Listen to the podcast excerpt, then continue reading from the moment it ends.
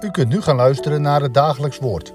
Dit is iedere maandag tot en met vrijdag om 10 uur, 3 uur en s'avonds om 7 uur. Deze meditatie wordt verzorgd door dominee Smit.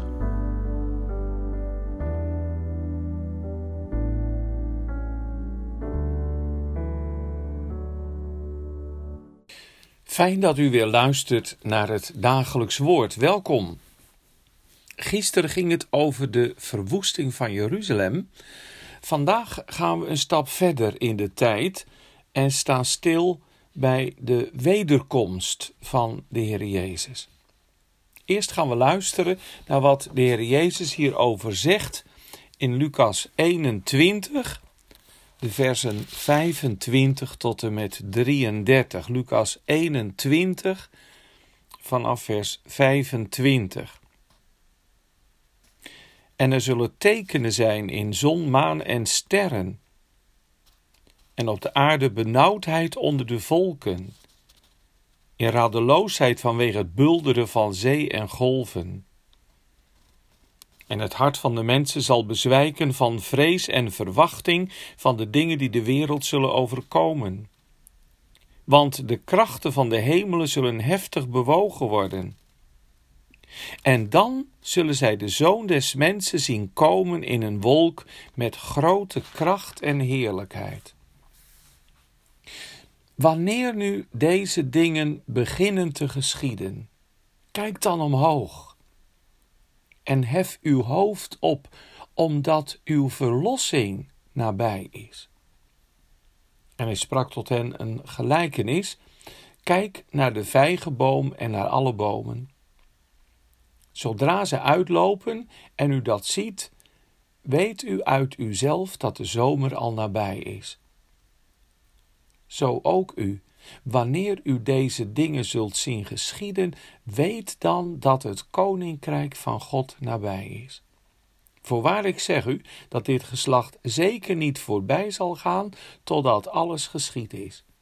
De hemel en de aarde zullen voorbij gaan, maar mijn woorden zullen beslist niet voorbij gaan. Tot zover dit gedeelte uit Lucas 21.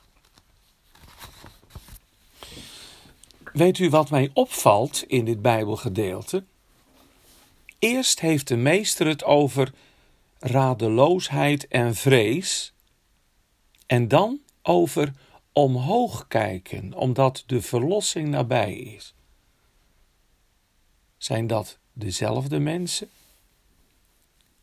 Mensen in paniek en mensen die hun hoofd opheffen?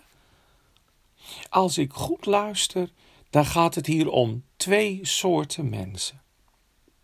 Sommige mensen zijn doodsbenauwd, omdat het wel lijkt alsof de hele kosmos is losgeslagen. Maar andere mensen kijken verder en zien achter al het beangstigende iets anders. Ze zien de verlossing dichterbij komen. Sommige mensen zijn kortzichtig en voor anderen openen zich vergezichten. Waar zit hem dat in, dat verschil? Nou, als je aan de Heer Jezus verbonden bent, als je naar Zijn stem luistert, als je hart in liefde naar Hem uitgaat, kom je er dan niet een beetje los van? Van dat blind staren op alles wat bedreigend is? Paulus stelt de vraag: wat zal ons scheiden van de liefde van Christus? Kan het bulderen van de zee ons scheiden van zijn liefde? Als de zon, de maan en de sterren gaan wankelen, wankelt de liefde van Christus dan mee? Ik moet denken aan die prachtige psalm, psalm 73. Bezwijk dan ooit in bittere smart of bange nood mijn vlees en hart? Zo zult gij zijn voor mijn gemoed, mijn rots, mijn deel, mijn eeuwig goed. Als alles wankelt, dan zorgt de Heere voor vaste grond onder mijn voeten. Natuurlijk, ik weet ook wel dat er dan tegenstemmen te horen zijn in ons hart. Geloofstaal wordt altijd bestreden.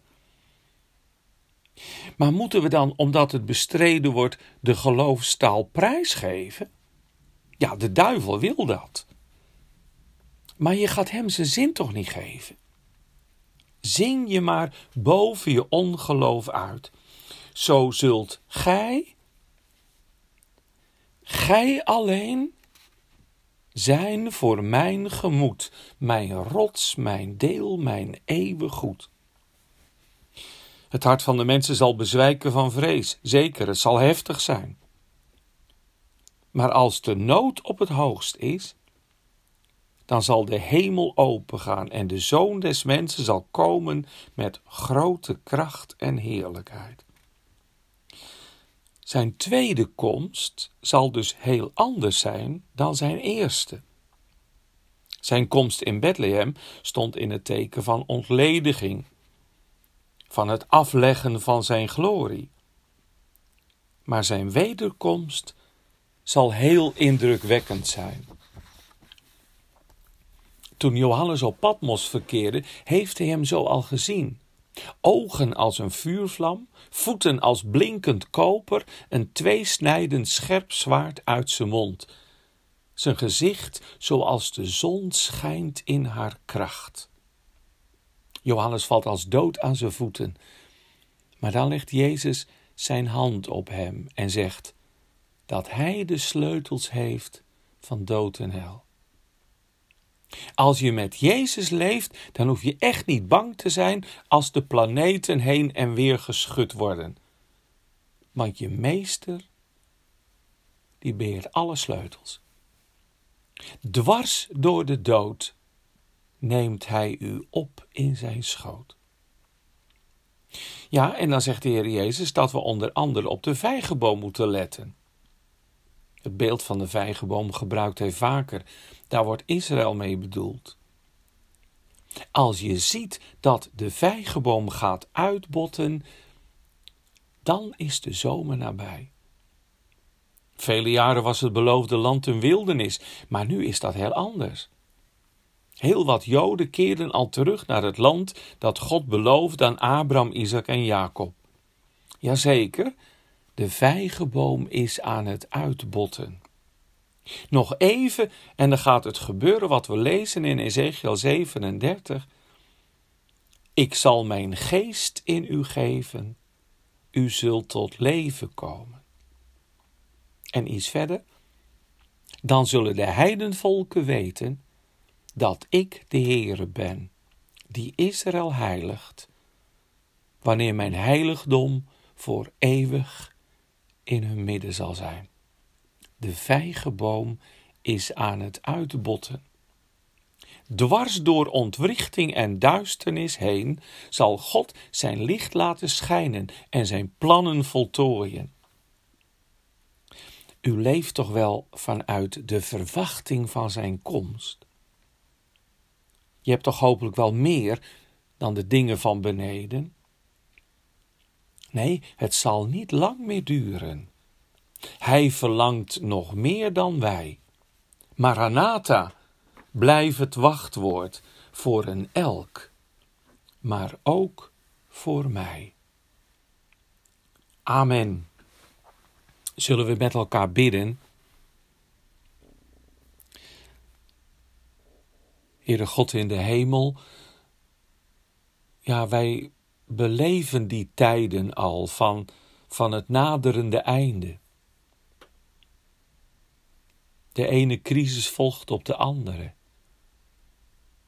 Er is geweld. De natuur kan ons beangstigen. Maar Heere God, dan mogen we toch weten, we komen dichterbij de wederkomst van de Heer Jezus. Vol verlangen blijven we uitzien. En u, Heer Jezus, u verlangt nog meer dan wij. Naar de voltooiing van uw koninkrijk, dat u vrede zult brengen over heel deze aarde. Dat u koning zult zijn, dat u de dingen recht gaat zetten. En mogen wij er dan ook steeds meer naar gaan verlangen in de verbondenheid met de Heer Jezus Christus. We bidden voor elkaar. U kent onze situatie. Wat wat moeilijk is in ons leven. Misschien tobben we met onze gezondheid. Misschien zijn er psychische zorgen. Of in de relaties dat het niet zo goed gaat. Of wat betreft de opvoeding van kinderen. Je kunt zorg hebben over kleinkinderen. Heere God, alles wat ons neerdrukt, brengen we bij U. Zie in gunst op ons ten neer. Heere, wij bidden voor gemeente en kerk. Het krachtige werk van uw geest. Wij bidden, verbreek het werk van de boze. We dragen aan u op allen die verantwoordelijkheid dragen in deze wereld. We bidden om vrede. Heren, mogen het telkens ook weer tekenen van hoop zijn. Dat, dat we het zien dat mensen veranderen. Dat jongeren de Bijbel pakken. De Heer Jezus nodig hebben. Heere God, onze hoop is op U. Ontferm U over Israël en we zien uit, heren, dat het licht vanuit Israël zich verspreiden zal over deze aarde. Dat de ogen opengaan voor Jezus de Messias. Heere God, alles wat er leeft in ons hart, brengen we bij U. U bent een hoorde van het gebed. Zegen ons allen en bewaar ons voor het kwade. Dat we werkelijk de Heer Jezus mogen volgen, van dag tot dag uit genade. Amen.